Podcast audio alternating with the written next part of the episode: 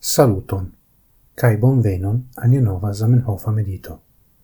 Hodiau, mi volas legi cae mediti cun vi sur calcai vortoi cio in Zamenhof scribis ocase de la tractajo Esperanto cae Volapük. Ciel vi scias, tiu tractajo estas mut flanque ex moda, ni diru. Sed, quelcae partoi ancora actualas. Mi legos el pagio ducent sepdec tri en la comenzo.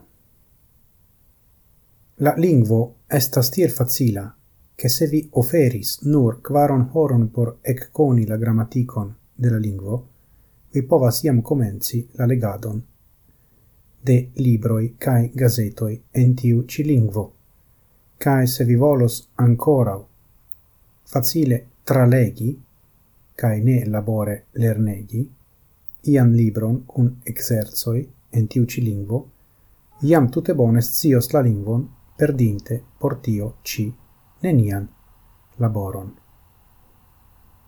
Vidu. Citiu parto estas ancora actuala, char laumitio esas la fonto malantao la assertoi de multai esperantistoi che la lingvo estas facila.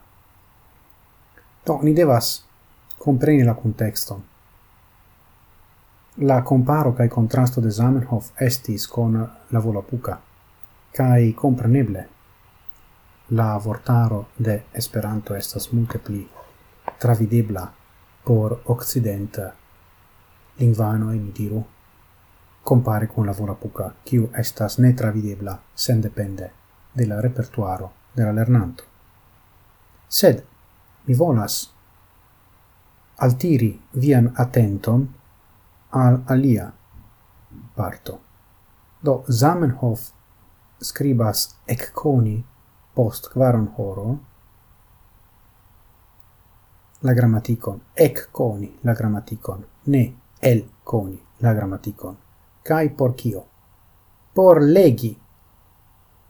Ec pli bone, por facile tra legi articolon de gazeto, to ne por active paroli.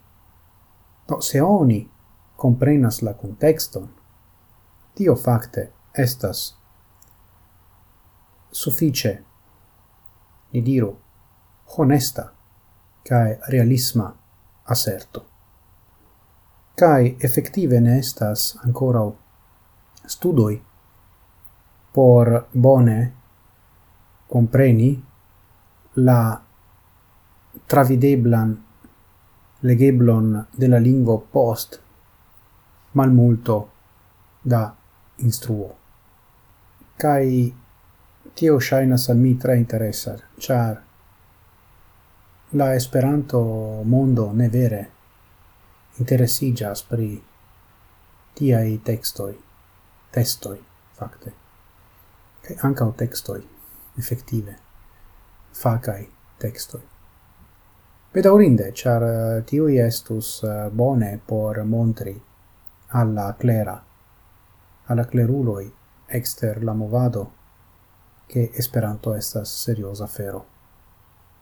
Sed ni ne forgesu che post Vere, iom da facila e regulo de la grammatico de Esperanto oni povas facile tralegi artikolon exemple de monato. kai mi povas garantii che tio facte veras, char miei studentoi en Torino antaue cae en Amsterdamo nun povas attesti tion tre facile.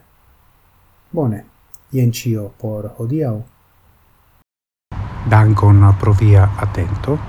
Gis morgau, cae ciel ciam, antauen, sen fine.